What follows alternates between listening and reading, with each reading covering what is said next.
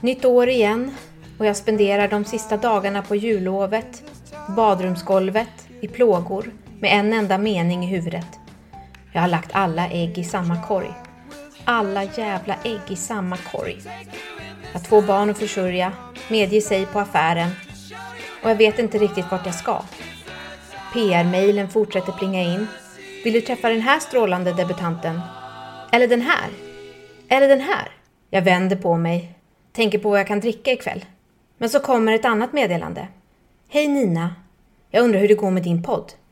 Jag vill debutera eller dö nämligen, så jag är högst beroende av den. Enda anledningen att jag fortsatt skriva de senaste två åren är att en gång i tiden få komma som gäst och berätta om min debutbok hos dig. PS, du är ju Sveriges bästa skrivpodd. Okej, tänker jag. Det är dags att sluta gnälla. Jag kravlar mig upp, drar på mig byxorna, bokar två debutanter. Nytt år, ny podd, nu kör vi. Det är jag som är Nina De är och jag tänker debutera, eller dö.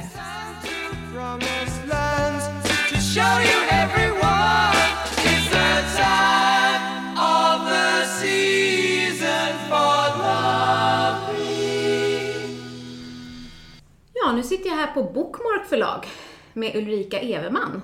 Vad kul att se dig. Tack detsamma. Det känns ju väldigt kul bara att komma ut och komma in på ett kontor så här och se. Jag har gått runt här och oat och aat. Absolut. Få ta på sig lite läppstift. Klä sig i någon fin tröja. Ja, men precis. Jag har verkligen gått all in där. Jag har orange läppstift. Det blev sådär. Det var inte så bra med munskyddet kanske i kollektivtrafiken, men Jag förstår. ja.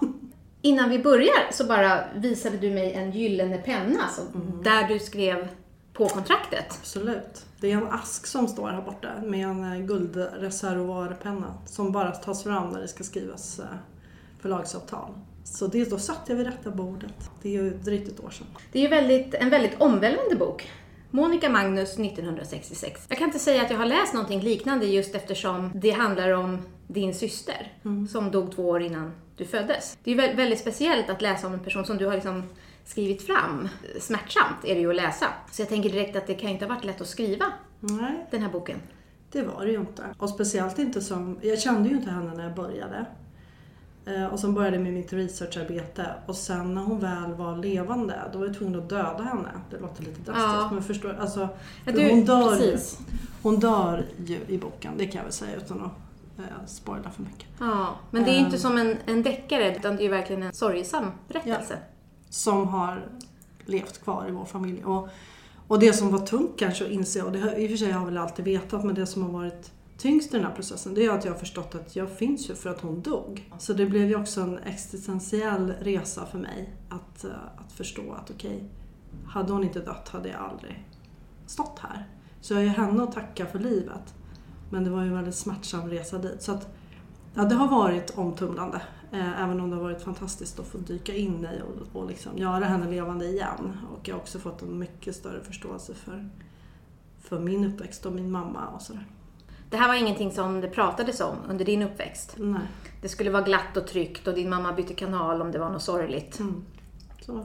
Och så fick du själv ta reda på den här Ja, historien. precis. Ja, till viss del då vad man kan få fram om en människa som inte lever. Ja, eftersom mamma inte finns längre. Hon dog för över tio år sedan och vi pratar aldrig om det här.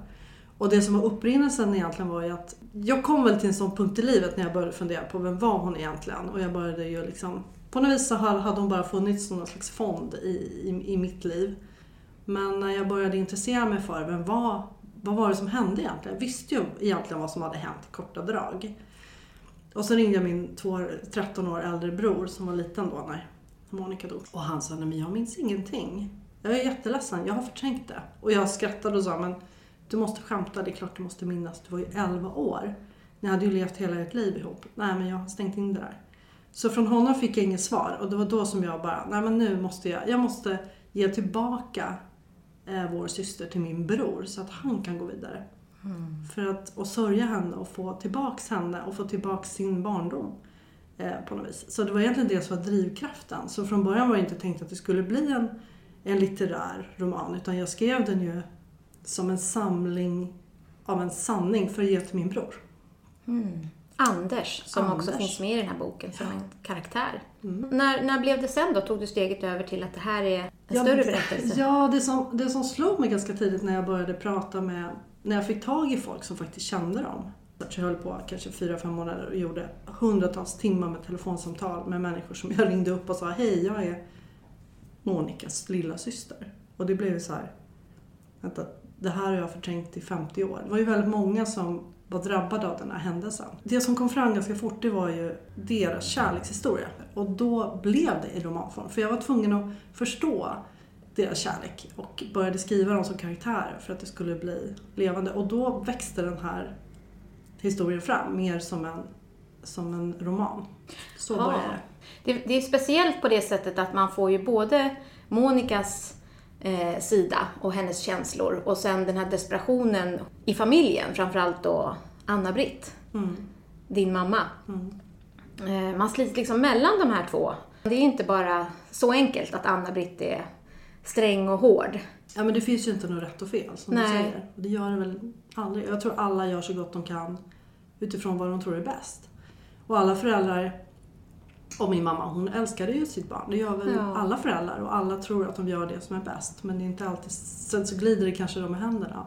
Men de har inte förmågan att göra det rätta. Det hade inte kanske gått heller att göra det rätta. Det vet, det vet man ju inte. Hur själv skulle, jag, hur skulle jag själv ha gjort?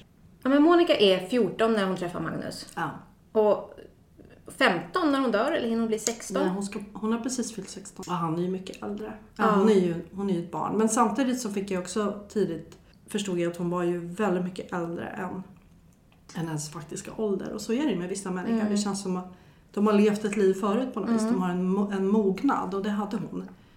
Jag har ju hittat dikter och liksom böcker hon har läst. Hon är otroligt avancerad för att vara så ung.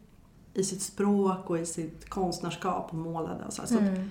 hon hade en, en ett allvarsamhet som var så väldigt mycket äldre än hennes faktiska ålder. Och det var ju ingen heller av Magnus vänner som förstod att hon var så ung förrän man visste det. Utan de, de såg ju ut att vara lika gamla och hon, hon kändes som att hon var liksom, ja, tio år äldre än hon var. Ja.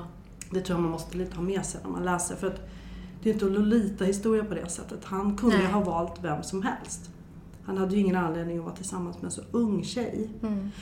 Så att det var ju inte, det var inte en sån relation som där det fanns ett beroende så. Sen var ju såklart han vuxen och hon ändå ung på sätt och vis. Så att man kan ju tycka att han hade ett mer, ett större ansvar. Mm. Men, ja, för han var ju ansvarslös. Ja, han var ju inte Mm. helt Och på eh, gränsen lite... okomplicerad. Alltså han var ju en rätt Ja. komplex person. Han hade ju också en sjukdomshistoria eh, historia med sig Ja. som komplicerade det ytterligare. Så gissningsvis kanske bipolär eller någonting Precis. liknande. Det, ja, exakt. Någonting sånt. Och det, det har jag ju inte riktigt, det vet jag har inget belägg för. Men, men jag har förstått att det var, det var nog så det var. Mm. Och sen lite småkriminell. Mm. Gränslös. Eh, Han ja. hade en egen moral helt enkelt. Mm. Otroligt spännande och skitsnygg.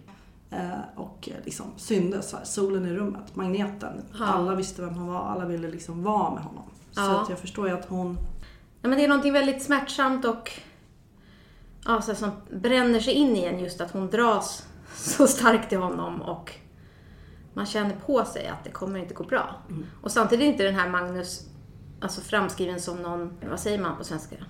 Ja, villen för att säga det på engelska. Och, och ganska intressant på det sättet. För han var ju väldigt intelligent och läste matematik och ville liksom bli en akademiker. Samtidigt som han hade fått den i det här kriminella. Eller han, det var väl inte att han drogs till det kriminella, det var väl mer att han tyckte att han var han behövde pengar. Så, Mm. så han, då behövde han det. Mm.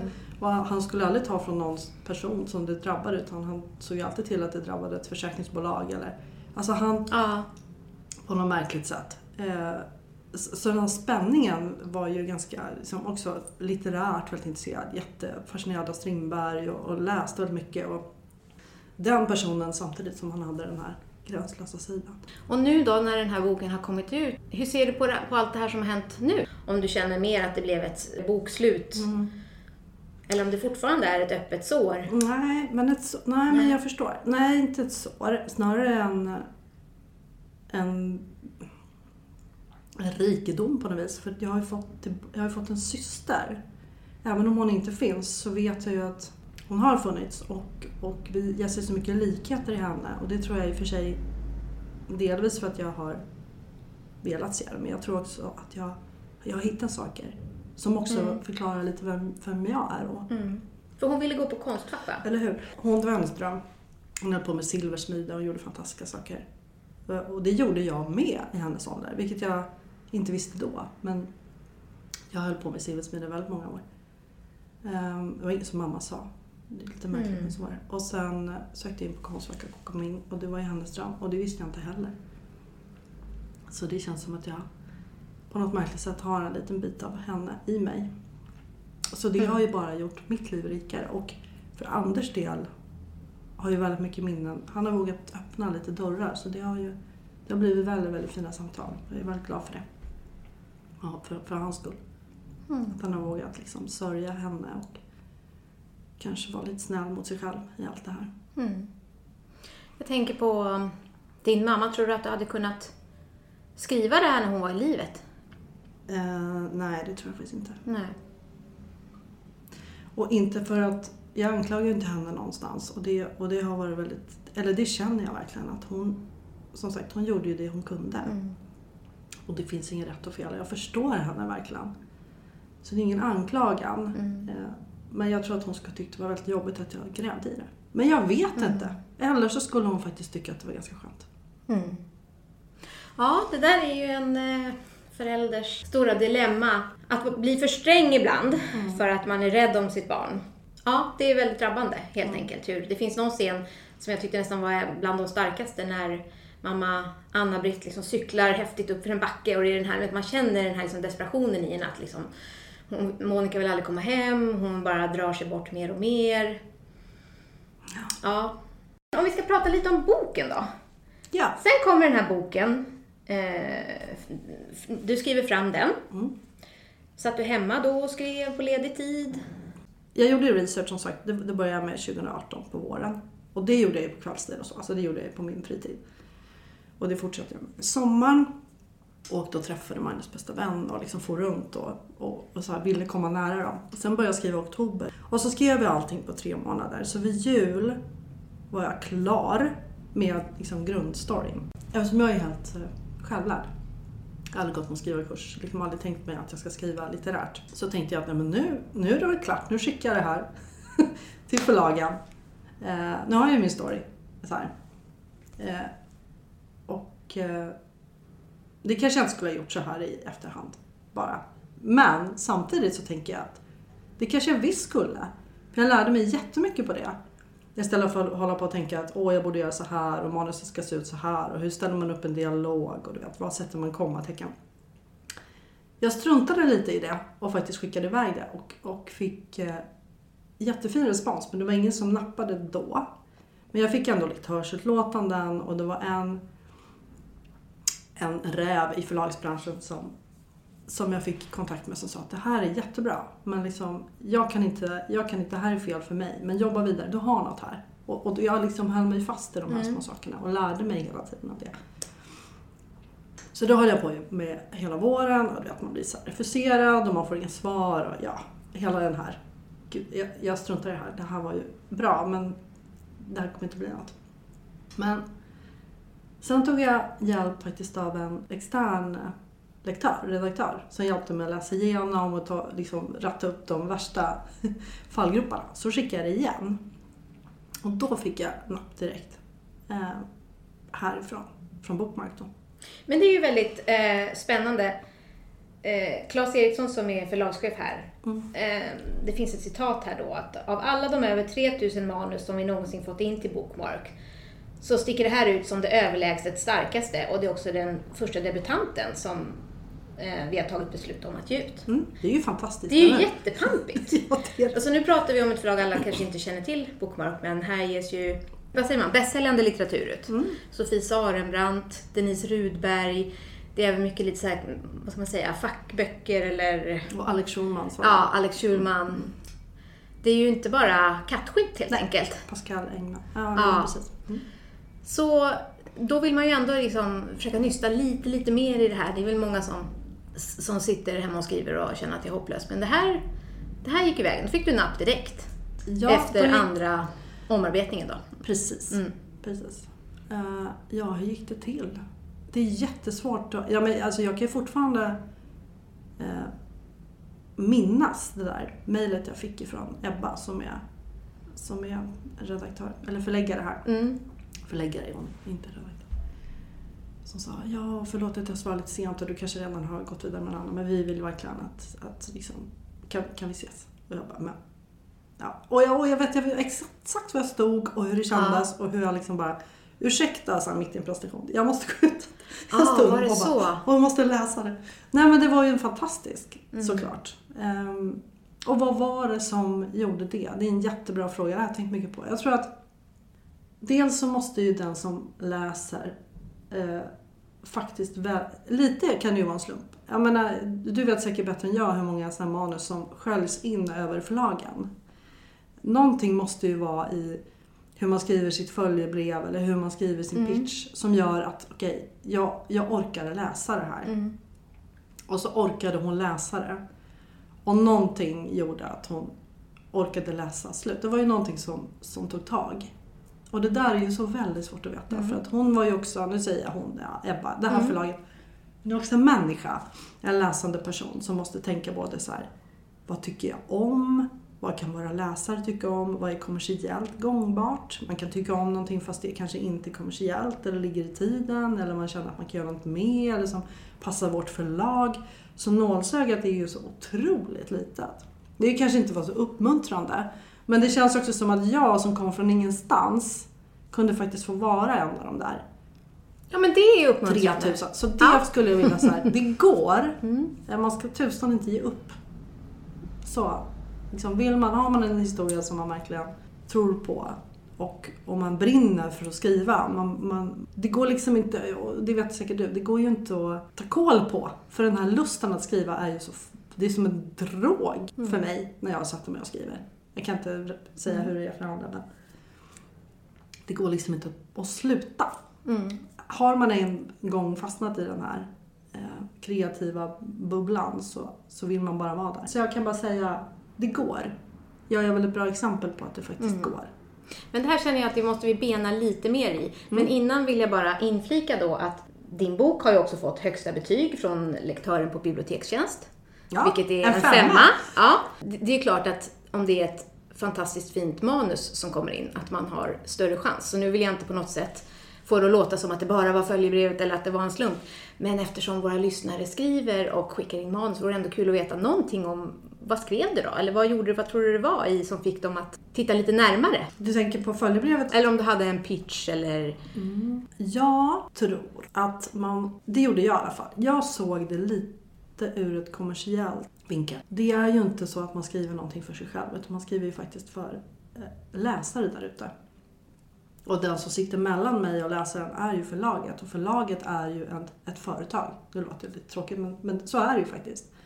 Det måste ju finnas en kommersiell gångbarhet för att litteratur är ju inte självupp, liksom självuppfyllande i sig självt utan det måste ju finnas någonting som gör att förlaget kan gå ut till handeln och säga det här bör ni läsa. Alltså det är ju så många steg på vägen och det tror jag att jag hela tiden hade med mig. Hur ska jag, utan att göra avkall på konstnärligheten såklart och den berättelsen man vill ha. Hur tror jag att det här förlaget skulle kunna sälja det här? Så att redan, jag, hade börjat, jag ville ha den dialogen ganska tidigt. Kanske vinkla det lite så. Jag försöker tänka nu medan Ja. jag pratar. Och sen var jag ganska tydlig med eh, kort, kortfattat berätta vad det handlade om. Och jag la mycket, mycket tid på själva följebrevet måste jag säga. Och tog även kontakt med eh, folk jag kände i förlagsbranschen och sa så här, hur ska jag göra? Och då fick jag tips från någon förläggare på ett helt annat förlag som inte var Mm. aktuellt för mig som sa Följebrevet och det är ju det första du möter. Det måste vara liksom flawless och, eh, och eh, prata på ett sätt som man faktiskt trycker på det. För det är det du vill. Du vill att de ska öppna pdfen och Mm. börja läsa. Ja, men det där är så spännande för jag har skrivit säkert hundra följebrev. Och så tweakar man och man skriver om och så ska man ju ändå rikta sig kanske till ett visst förlag. Och ändå så, när man är på utsidan, har man ju ingen aning om vem det där är som Nej. öppnar det. Man kan ju... det kan ju bli lite, liksom, bli fel ändå. Och kanske, ja, precis. Och så, så kanske så här, nu tänker jag jag pratar. Eh, man kanske inte bara ska skicka det till den här infolådan. Man kanske ska fundera på, finns det, kan jag hitta någon på förlaget som jag kan kontakta på något sätt eh, direkt. Eller kan jag hitta någon väg? Sen så ska man ju såklart inte, man ska ha respekt för att det här är deras arbete och man ska kanske inte så här, hyra en hiss, fönsterhiss och ställa sig utanför fönstret. men, men eh, ibland så kan det också vara att man måste hitta vägen att faktiskt bli sedd. Mm. För jag tror väldigt många manus är säkert precis lika bra som mitt. Det är bara att de glider förbi på något vis. Men tror du att det kan komma med ålder kanske? Att man vågar vara lite mer kaxig? Kanske. Samtidigt så får man inte vara för kaxig. Mm. Nej. För det är så, som du säger, man har ju ingen aning om vad man pratar med. Mm.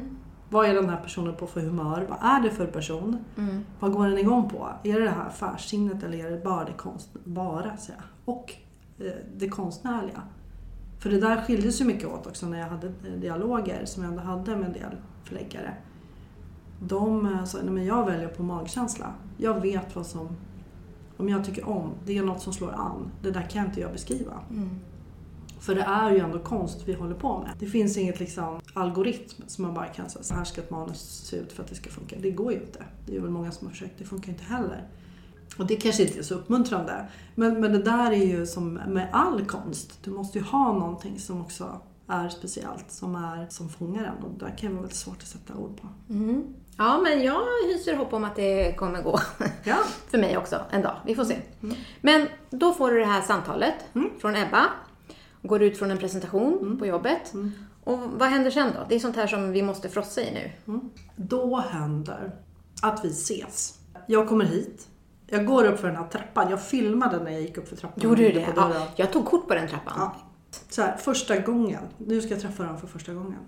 Och jag tänkte att de vill väl kanske prata lite om, eh, inte vet jag. Liksom. Men, men då, det var helt fantastiskt för helt plötsligt var det någon som ville prata om det jag hade skrivit. Så här, de ville prata om mitt manus och de var helt fokuserade på mitt manus och på hur de skulle kunna jobba vidare med det här. Och då fick jag känslan, men är det någon som skämtar med mig? Den känslan hade jag. Är det någon som kommer knacka mig på axeln när jag kommer ut och säga att det här var ett roligt skoj? För då träffade jag Ebba och Louise, som nu är min förläggare, som jag jobbade väldigt tätt med ihop sen. Och de var, liksom, de var så tagna av det, så det samtalet kommer jag aldrig, jag kommer aldrig glömma det.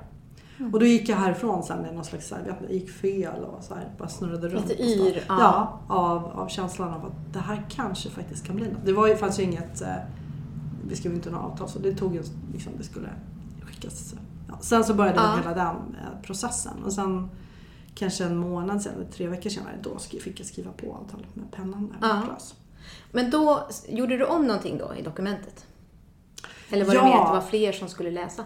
Nej, då hade de ju läst. Då var de ju många som hade läst. Alltså de, jag tror Ebba läste först och sen var det fler som fick läsa. Och sen så har de väl sina möten. Jag vet inte riktigt hur det går till. Men så här, jag Den har mystiska manusgruppen? man Den mystiska. Ja. det hände något. Så här, det här tror jag på. Mm. Jag började gråta när jag, när jag läste. Sen. Jo, det första hon sa, det glömde jag. När, när hon mejlade mig så sa hon så här. Det här är helt fantastiskt. Vi tror jättemycket på det här. Men vi undrar om du kan tänka dig att ändra eh, en, en ganska stor sak i det. Och, och det har jag glömt säga. När jag skrev det första manuset så hade jag skrivit i du-form. Jag hade alltså skrivit Monica som att jag pratade med henne. Ja.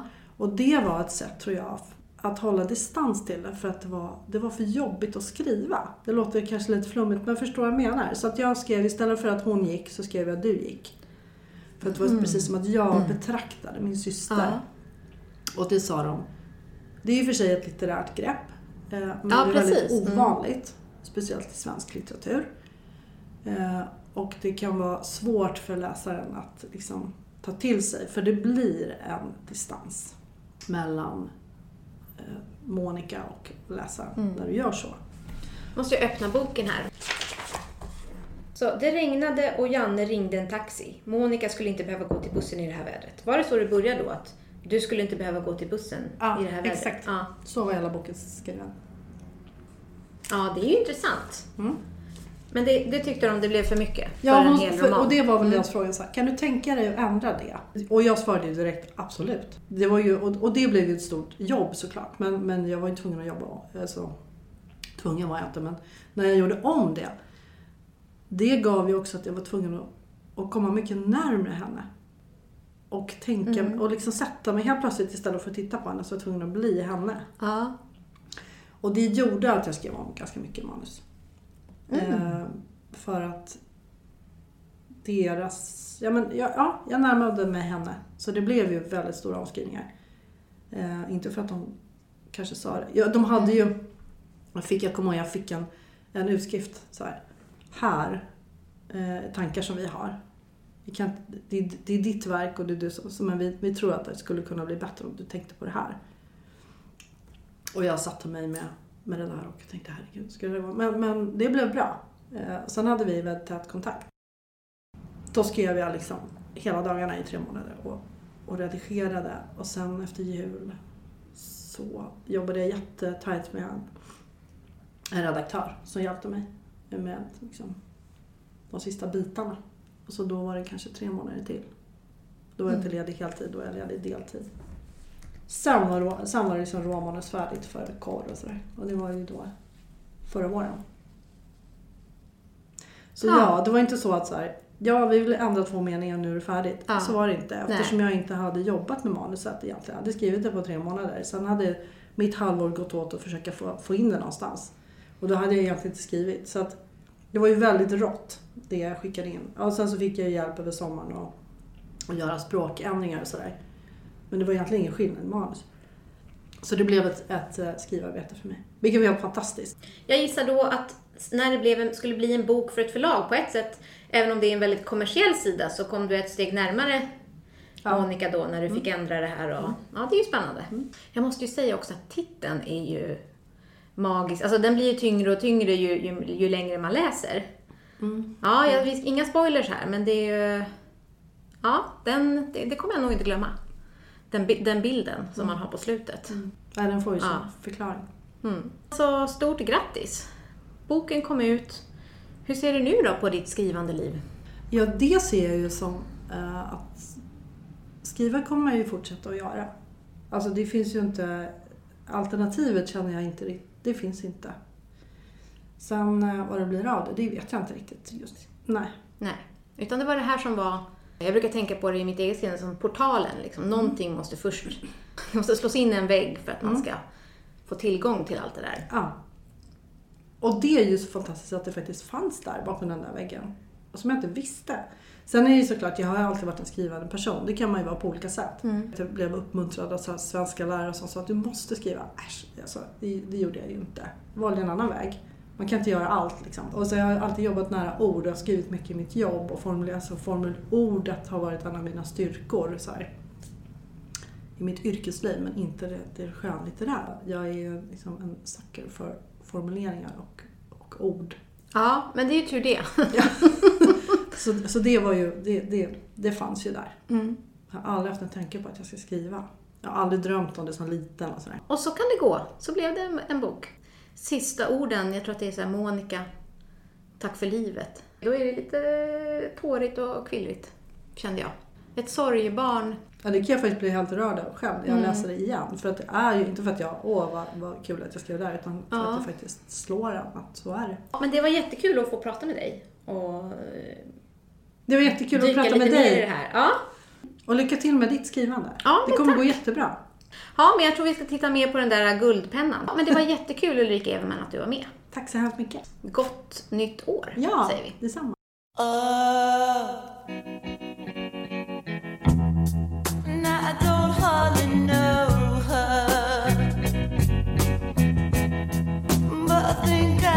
Love her. Fina Ulrika. Det blev en skakig start på året för mig, men nu är jag varm i kläderna, lika bra vi fortsätter. Jag drar till Bonniers på Sveavägen och träffar avsnittets andra debutant, Jenny Holmqvist. Mm.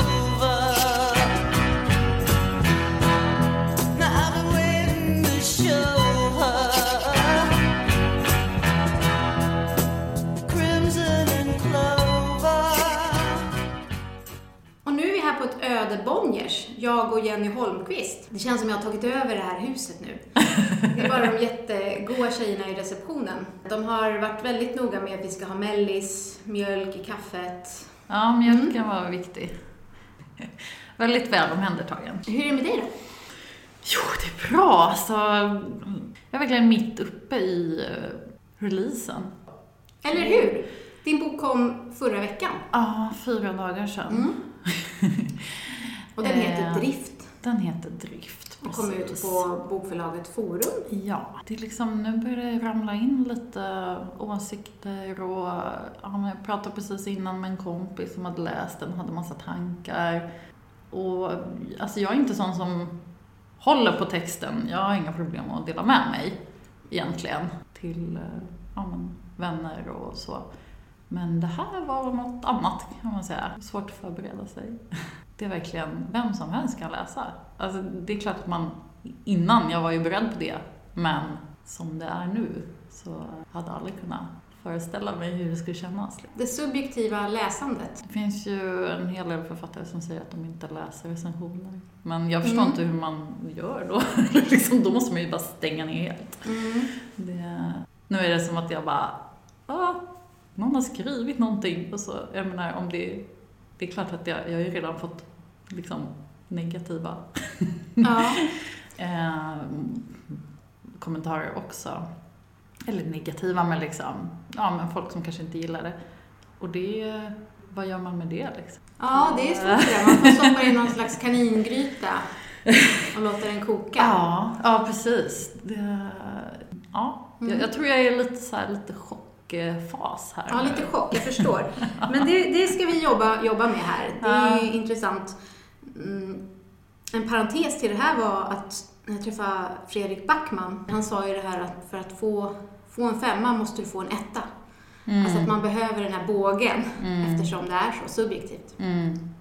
med läsande. Mm. Och oftast kan det ju vara de som är lite negativa som tycker till. Så tänk på alla de där femmorna ja, precis. som det ger. Ja. Vad jag tänker direkt spontant är ju att när jag öppnade boken så lite däst på jullovet, det är ju en bok som kräver mycket. Det är ingen så här slöläsning, Mm. utan det är ju ett väldigt varsamt mejslat språk som för mig liksom kräver att man är, är med på varje sida. Och sen att det är en episk roman. Grattis till det! Debutera med en episk roman som spänner över kontinenter. Ja. För mig som har träffat många författare så känns det som att du också har brutit en del mot de här liksom, grejerna att det ska vara något svenskt, Mm. med svenska karaktärer. Ganska snabbt så drar det ju över Atlanten. Mm. Ja. ja, det känns ju lite som ett regelbrott.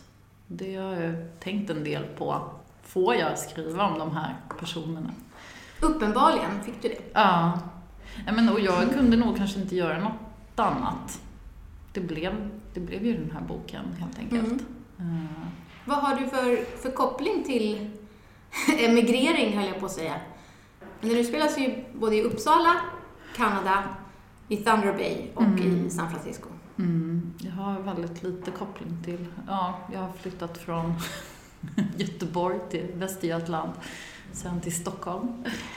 Så sådana långa avstånd har jag lagt bakom mig. Alltså vissa platserna har jag ju koppling till. Uppsala, min man kommer därifrån så det är ju en... Det är ju min man med. Jaha, där ser man. Ja. Jag tycker jättemycket om Uppsala. Västkusten där, Kalifornien, där har jag ju varit och rest. Liksom kommit hem från de där resorna och bara måste skriva om det här. Måste skriva om de här platserna. För att de är så fascinerande på något sätt. Det, och det är också, jag tänker att det handlar så mycket om vad man har för föreställningar om liksom, Kalifornien. Det var spännande på något sätt. För att det var både det var både precis vad jag trodde och absolut inte på något sätt. Så att det är inte som att jag åkte dit och tänkte att ja, jag ska skriva om de här platserna utan liksom när jag kom hem så var det där jag hamnade. Bara. Mm. Att det var en drift. Det var en drift, Mm. precis. För det börjar med Eva i Uppsala Mm. som sen eh, åker båt över Atlanten Mm. på 40-talet. Och där får hon ett barn. I Kanada, precis. Och där, Mm. Kanada har jag ju faktiskt aldrig varit i. Alltså jag har lekt lite med den här idén att det skulle vara som Sverige. Mm. lite annorlunda från Sverige. Det är någon sån där grej som jag tycker att jag har hört lite här och där. Och det tycker också, eller det tänker också den här karaktären Eva, när hon ska åka, att det blir som en, en tröst på något sätt. Och på, på det sättet så blev det liksom möjligt att skriva om den platsen för mig, även om jag inte varit där. Sen blir det såklart en hel del Google Maps-grejen, att man vandrar runt. Ja, men jag tycker det är underbart. Du gick till suget och skrev Mm. om det. Och sen då den här dottern, hon blir ju lämnad Mm. av sin mamma. Och sen så börjar en ny berättelse då mellan de här halvsyskonen. Mm. Eh, James kommer in i berättelsen. Eller det är egentligen med honom det börjar. Ja. Och då Exakt. kommer vi sen till San Francisco på 80-talet. Mm. Där han pluggar matematik Mm. och blir besatt av eh, Louise. Mm. Eh, och det kände jag ju var väldigt starkt återkommande. Det här eh, besattheten och att Mm. man, det är en slags osäkerhet som också den här Louise hela tiden spär på. Mm. På ett eh, ganska obehagligt sätt. Mm. Men var det Ja. någonting du, alltså om man tänker, nu pratar om platserna och personerna, men det här med temat då? Jag tänkte på det här idén om att bli en annan människa på en annan plats. Mm. verkar du ändå ha Mm. velat rota i. Mm. Blir man det? Ja och nej, kanske. Hopplöst svar. Nej, men det är klart att man kan ju, man kan ju bygga om sig på en ny plats. Man kan uh, iscensätta sig på massa olika sätt. Men sen också vad romanen handlar om. Och det är ju ganska svårt att, att komma ifrån sig själv på något sätt. Att man, man kommer ju alltid kanske vara samma kärna. Men jag, ja, jag är intresserad av det här liksom att vad händer när man kommer till en ny plats och kan börja om? Och i James fall så handlar det ju mycket om ja, men, klass egentligen då. Han har ju, han har ju inte den här liksom, familjen med utbildning i ryggen. Och, utan han kommer ju verkligen från vischan så och trivs inte med det. Vad han kan är ju matematik. Och för honom är det på något sätt omöjligt att stanna kvar. Men då blir det ju såklart, det blir svårt att återvända. Och vad händer då? Men det blir ju lite som en, en klocka också, att, att man, man får ju veta sen. Sen är man tillbaka med Eva på 80-talet. Mm. Precis. På en annan plats. Mm. Knyter ihop säcken. Någorlunda. Ja, det gjorde du. Ska vi prata om det lite grann då? Ja. Hur du skrev den här boken. Jag har ju förstått att du gick, har gått på Biskopsarne Mm. och att den här boken kom till under en seminarieserie med Monica Fagerholm. Mm. Precis. Ja, jag har gått en hel del olika skrivarskolor och utbildningar. Och jag uppskattar de eh, sammanhangen. Det är liksom att, att det är så himla lyxigt. Det var det jag kände, kom ihåg väldigt starkt sedan när jag började med på, på Biskopsson, att det är så himla lyxigt att få vara där och ja, men här håller alla på med skrivande. Och det, det är det som är normen på något sätt. Att vi håller på och pratar så här jättenördiga grejer eller liksom ja, folk är verkligen intresserade. Eh, så jag har väl på något sätt, eh, nu kan man ju inte gå liksom, kanske man kan, men hur många skrivarutbildningar som helst i evighet. Men jag har ju försökt skapa mig i sammanhang där jag liksom kan fortsätta, eller jag och kompisar kan ha våra små grupper och vi, ja, men vi håller på med deadlines och liksom för, försöker sätta något slags ramar för att, för att det inte ska vara det här, alltså det kan ju vara så ensamt liksom. Monikas eh, kurs där, den var ju verkligen som en... Jag hade ett, jag hade ett refuserat manus.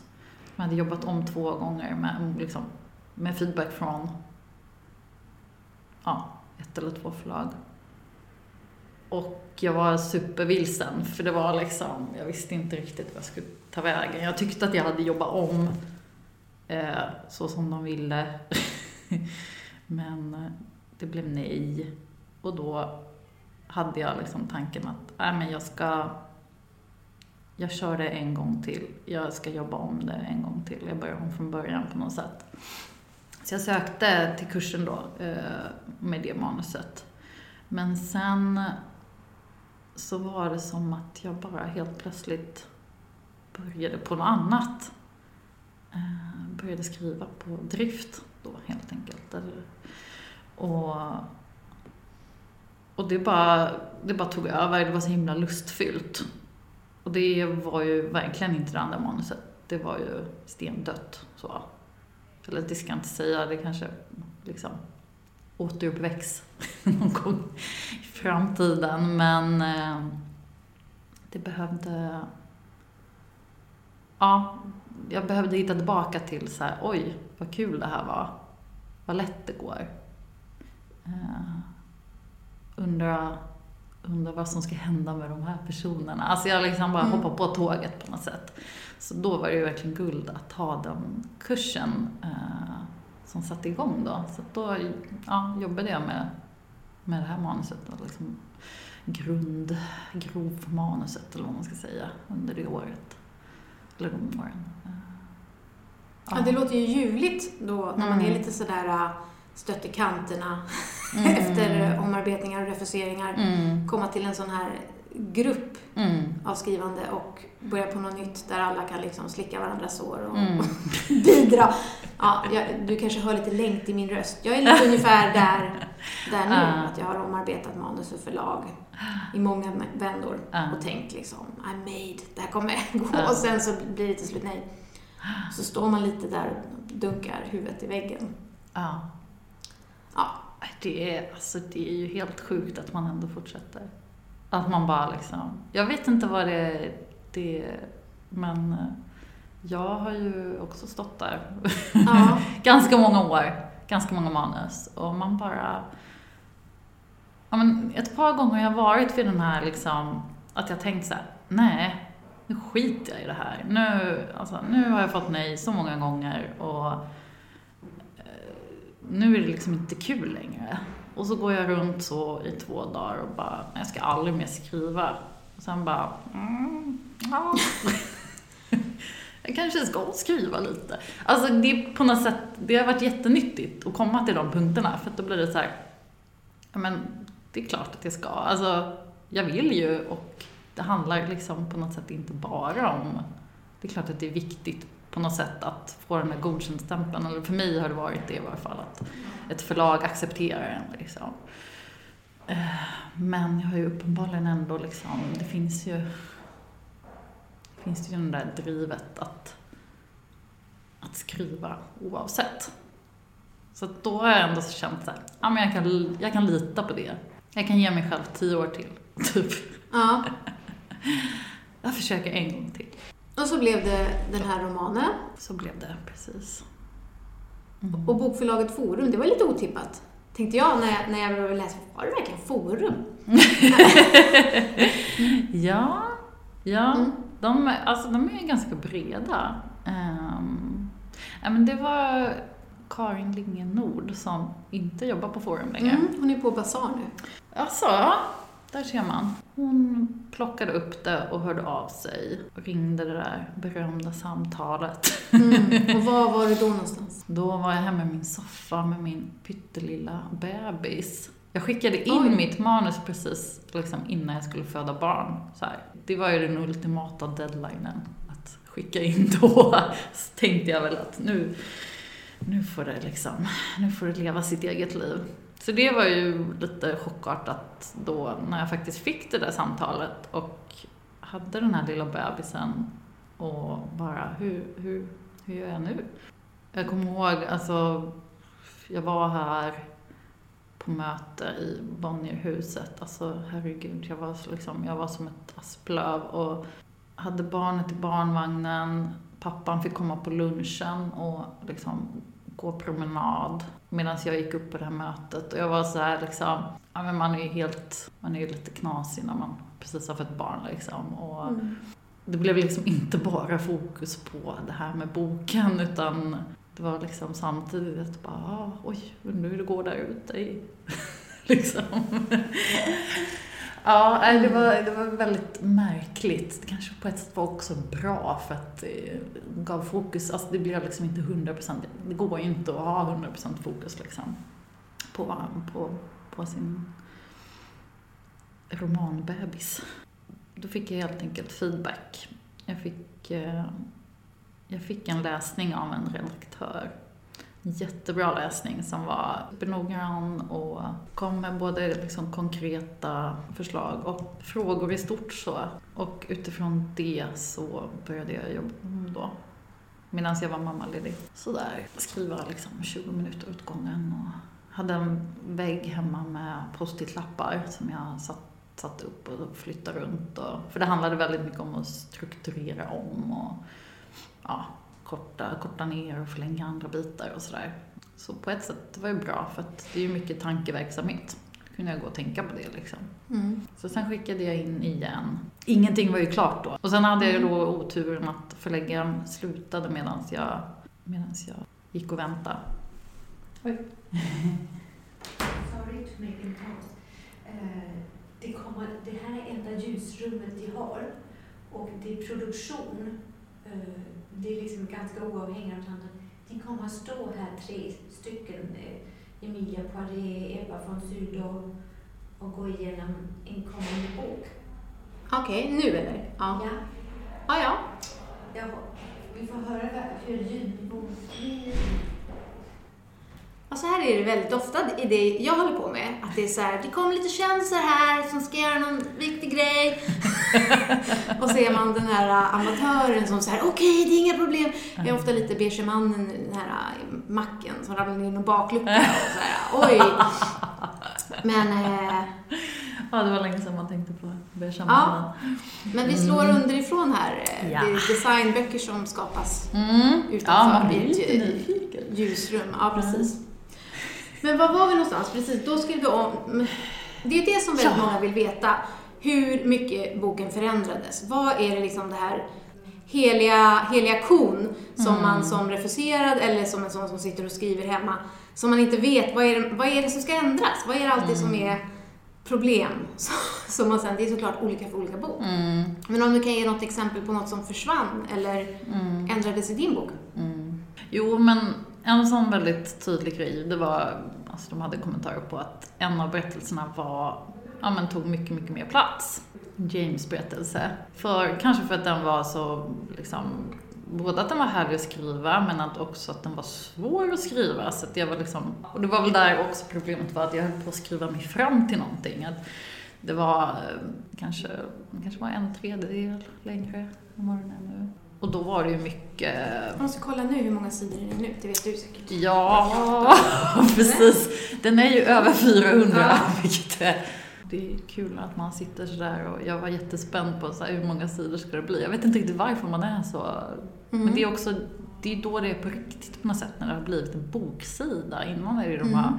A4 i datorn. Eller hur? Det är ju min våta dröm det här att få de här små bockarna när man ser att Ja, boken är ja satt. skärmärkena. Ja. Precis. Jag kommer ihåg att jag såg någon sån som satt alltså på ett café för många år sedan liksom, och satt och rättade sin sån där. Man bara, åh gud, du har kommit dit. Mm. Liksom. Här sitter du. Ja. Ja. Hur ska man tänka då för att inte bli destruktiv? Jag kan ju känna ibland att min avundsbarometer går lite i taket och så orkar jag inte riktigt. Hur ska man hålla sig kall? Har du något bra råd? Hålla sig kall. Måste man vara kall då? Nej, det kan, kanske man inte behöver. Jag tänker Mm. att det är ju den där febrigheten som gör att, alltså, att man bara liksom fortsätter ändå och bara, ja men så här, en envishet som är, alltså man ska dra paralleller med James, han är också fruktansvärt envis. Det är jag Mm. också, det är säkert du också. Att man liksom, det är också, det är ju, jag tänker att det är den största styrkan, att man bara är så jävla stubborn liksom. Mm. Och, Han försakar ju också sin matematikkarriär mm, för den här Louise. mm, Han är ju ändå lite destruktiv. Mm, ja, ja, precis. Mm. Ja, Men det kanske inte hade gått på något annat sätt. Alltså vissa personer man bara måste... Precis. reda Jag ut. tänker att han måste följa det till slutet på något Mm. sätt. Det, um, han måste skaffa sig den erfarenheten som det är att släppa det han trodde sig. Liksom. Jag tänker att alla har väl mer eller mindre lite till mans varit besatta någon gång. Sådär. Mm. Spännande. Man kan ju likna det vid det här och liksom skicka in manus och besatthet. Ja, men verkligen. Jag har känt mig helt klart besatt av den idén. Mm. Mm. Och nu är det på andra sidan. Ja, det är ju faktiskt väldigt märkligt. Och det är också så här, ja men eftersom det bara nu har gått fyra dagar så Mm. är det liksom, jag har noll, noll distans. Har du kunnat börja med något nytt? Jag har, jag fick rådet av redaktören, eh, börja med något nytt. Okej. Mm. Det är ett bra råd skulle jag säga. Eh, så jag har det. Jag har dels hållit på med ett eh, bilderboksmanus ganska länge. Som har varit så här jättelustfyllt att bara liksom, eftersom det är något helt annat än vad, Mm. vad den här boken är.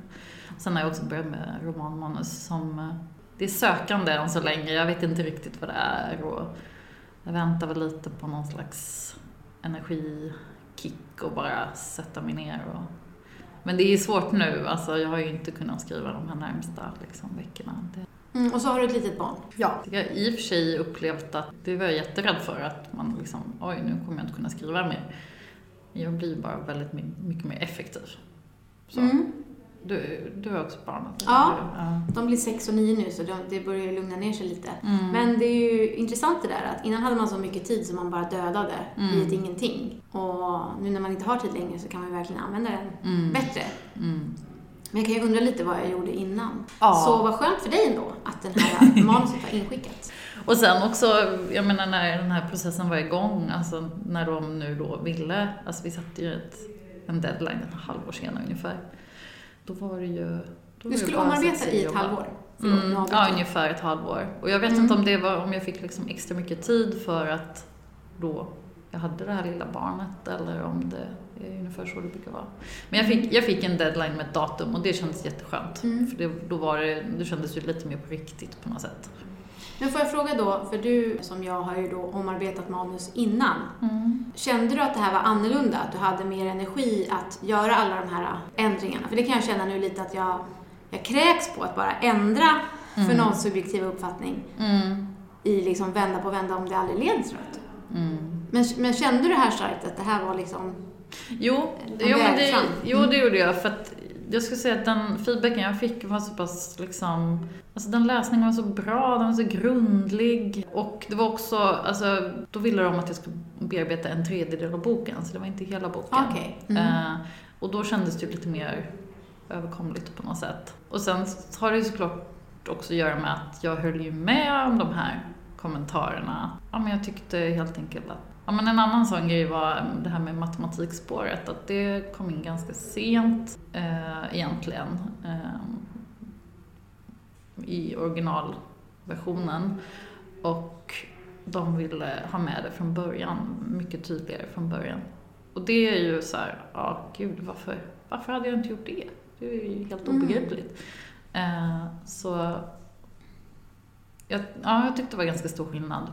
Eh, det kändes, det kändes liksom mer på riktigt. Men det här var ju också första gången jag liksom fick komma till det här huset. Och Ja, bara, bara den grejen var en stor mötet ja, skillnad. gör ju stor, stor skillnad. Mm. Mm. Men får jag fråga då, vad lärde du dig på Biskopsarnö? Kanske den viktigaste biten jag lärde mig var att eh, man kan göra vad fan man vill. Mm. Grejen var jag hade gått eh, skrivutbildning eh, på Södertörn innan som, som var jättebra. Också lärde mig jättemycket av. Där vi pratade en hel del om liksom, dramaturgiska kurvor och den typen av att se på text på det sättet. Och sen när jag liksom började då på Biskopsarne då var ju folk helt vilda på något sätt. Alltså att man, man fick skriva lite hur man ville. Och det tyckte jag var väldigt befriande. Sen då blev det ju förstås så att då gick jag ju liksom, ja jag skrev ju väldigt mystiska grejer så kan jag känna nu i efterhand. Men kontentan på något sätt har väl ändå varit att okej, okay, skrivande kan vara så himla mycket mer än vad jag trodde det att det kunde vara. Och sen vad det gett mig framförallt skulle jag säga, det är ju faktiskt vänner som skriver. Alltså man kan ha sina små textmöten med. Ja, och den här eh, kontakten med Monica då, som, där den här boken växte fram. Var det Mm. någonting i den serien eller någonting som du kan berätta för alla sugna lyssnare? Någonting som sades eller Ja. kom fram? Ja men alltså två grejer tänker jag speciellt på. Att dels kommer jag ihåg att hon hade som en övning när vi sågs liksom i början. Och då bad hon oss att göra en karta över vår text. Och jag är faktiskt inte helt säker på vad det var för typ av, alltså om det handlar om liksom platser eller om det var mer som en mindmap. Men det var, det var ett ganska så bra sätt att bara börja liksom kludda ner någonting. börja någonstans. Kanske rita någonting, alltså ganska fritt så.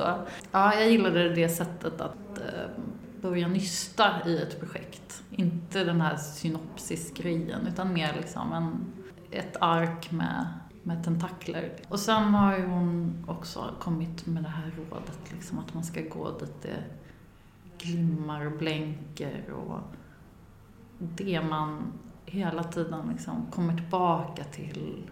Det som är det man sugs mot. Och det har jag försökt tänka jättemycket på. För annars på något sätt, annars är det svårt att upprätthålla intresset i skrivandet, Mm. tänker jag. Det, om det blir för konstruerat eller om det blir liksom... Ja, den där kärnan tänker jag är viktigt och viktigt att ha kvar. Det är kanske det nu när jag ska börja med något nytt, att jag försöker leta lite efter vad är det, vad är det som är det som blänker nu i nästa Mm. projekt. Så. Kommer Mm. du ihåg vad du gjorde på det här blanka pappret då? Den här kartan, Ja. det första som kom. Ja, jag kommer ihåg att jag liksom fick ner någonting om det här huset som är viktigt. Huset som Louise bor i. Det moriska. Ja, det Mm. moriska huset. Jag bara visste att det skulle vara en viktig plats och att jag försökte liksom formulera det på något sätt. Så det föddes ju tidigt. Det, jag tänker det är så himla olika också på vilket sätt man skriver. Att jag kanske skriver utifrån liksom, de här personerna och de här platserna. Och sen så, ja, det visar sig att oj, nu händer det här och de här har den här kopplingen och eh, ja. En del, en del kanske gör liksom på andra hållet. Eh, Men jag tror att, alltså för min del så, jag behöver nog skriva på det sättet lite mer flummigt till en början för att, för att det ska vara spännande även för mig när jag skriver. Jag får inte veta för mycket.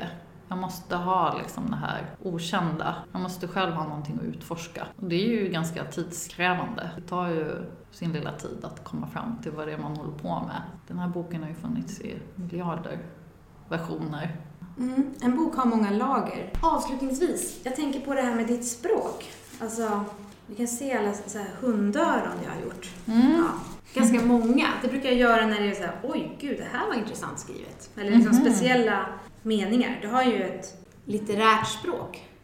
Mm. Det låter det skrämmande om man säger så eller? Men eh, det skulle jag vilja veta mer om hur du har utvecklat ditt språk. Från den första versionen till det här, om du hela tiden har, har liksom försökt ligga på den här nivån när du börjar så här, sida 1, kapitel 1. Och att, att det är, ehm, varje mening känns ju väldigt omsorgsfullt mejslad. Mhm. Mm, Om du har det från början, eller om det mer kommer med lagren. Jo, men det kommer väl, alltså det är väl en kombination. Det är, det är liksom en balansgång. För att på ett sätt ska ju texten ut, alltså liksom den här, att man ändå kommer vidare. Eh, Det kan ju vara oerhört krångligt att bara sitta med samma kapitel och man liksom kommer aldrig till nästa. Samtidigt så, jag tror inte jag är sån som skriver liksom, ja men nu ska jag skriva igenom hela berättelsen och sen kan jag börja med redigeringen. Utan det är ändå någon form av parallell, parallella led liksom. Så ja, nej, en kombination. Om det nu var ett svar. Men om du har någon råd då, hur man, hur man ska utveckla sitt, sin stil? Utveckla sin stil. Jag tycker alla frågor nu jag ställer låter väldigt desperata. Det är den här januari-ångesten kanske. Börja på något nytt, komma igång. Det nya fräscha livet, det nya Ja, fräscha just det. språket. Just det, nu, det nya projektet. Mm. Återigen, jag har fått ett bra råd av Monica Fagerholm och det var att när du väl ska, okej nu hoppar vi liksom i tiden här, det är inte Mm. precis när man börjar, men när man väl ska skicka in, då ska varje mening kännas rätt. Det ska inte vara något fuskande. Alltså, då är det liksom ingen mening med att skicka in det, utan man ska kunna stå för varje mening i boken. Det är därmed sagt att, ja, jag vågar ju knappt titta i den där boken. Jag vet ju att jag kommer hitta sån här, oh, varför skrev jag sådär liksom? Jag hittar inte ett enda korvfel. Alltså gud vad skönt att höra. det där har ju varit en sån där liten käpphäst. Får tacka Mm. min redaktör. Tror du att många skickar in för tidigt? Alltså om jag tänker på vad jag själv har skickat in. Mm. Jag, jag har skickat in i de faserna på något sätt att så här, nej men nu kommer jag inte längre själv. Jag måste Mm. liksom, nu vet jag inte vad jag ska göra av den här texten. Mer än att så här, se vad ett förlag säger. Så på så sätt har jag ju inte skickat, om, skickat in för tidigt. Samtidigt så kan jag ju se de där manusen. Jag har ju läst om det här som jag höll på att jobba med innan drift. Mm. Jag läst om det nu och bara, huh. jag ser liksom att det är en hel del jag skulle behöva göra där. Men det hade jag omöjligt kunnat komma fram till då. Jag vet verkligen inte om folk skickar in för tidigt. Jag tror inte det. Eller det finns nog liksom både och. Jag tänker att de jag känner som liksom är i samma sits som man skickar in manus och håller på, då har man ju kört de här redigeringsvänderna.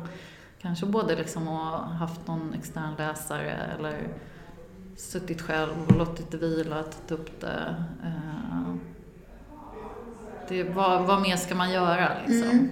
Det, Jag antar att frågan är sprungen ur att jag kan också känna att jag har kommit till vägs ände och att man har haft externa läsare och så vidare som man ofta har betalat dyra pengar för och Mm. jobbat länge. Och sen känner man att det kommer längre och så vill man ju ha ett, ett proffsöga på det som man skickar in. Men då när det då kommer in standardifficeringar, ofta kommer det ju Mm. någonting mer spännande också eller lite Mm. längre. Men då kan man ju verkligen, då kan jag ju börja tveka och tänka, var det liksom, hade jag behövt låta det ligga ett år och Mm. sen jobbat om, eller mm. för att man inte kan se förrän efter ganska lång tid vad det blev. Ja. ja, precis. Men frågan är då liksom när man tar upp det igen, då kanske det inte är brännande aktuellt för en själv längre. Det är ju det som är risken på något sätt. Ja. Låta någonting vila så pass länge så att det, så att det dör. Men Mm. just det här med standardrefuseringar, jag tänker att det, det är ju så himla, himla nedslående. Samtidigt så är det just den här grejen att ja, nästan alla, alla som skickar in får ju kanske standard från något och sen är det någon annan som plockar upp det. Alltså då, Mm. Det är då man liksom inser att herregud, det här är så subjektivt och det handlar så mycket om vem som råkar läsa och alltså det är ju mycket slump tror jag. Mycket flax, mycket... Jag tror att jag hade tur att det fanns liksom ett sug efter eh, en, ja, de episka berättelserna. Mm. Jag inbillar mig att det finns ett sånt sug nu, eller åtminstone det förlaget har sagt, att de liksom har letat efter det. Och det är inte som att jag bara, ah, nu, nu tror jag att eh, det är det här förlagen vill ha. Det här blev min text helt enkelt.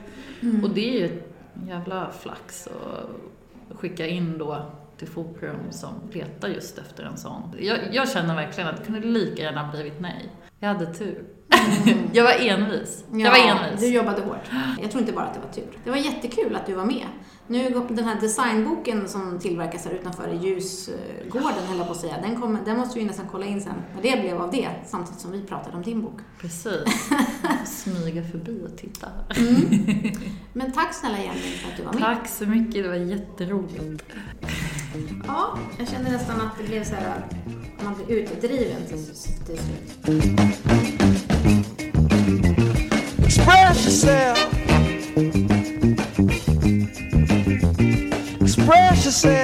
Jag ska åka hem och plocka med äggen i min korg. Hoppas ni gör detsamma, hittar en väg framåt i ert skrivande. Ta hand om er och låt glöden aldrig falna. Hej då! Express yourself. Whatever you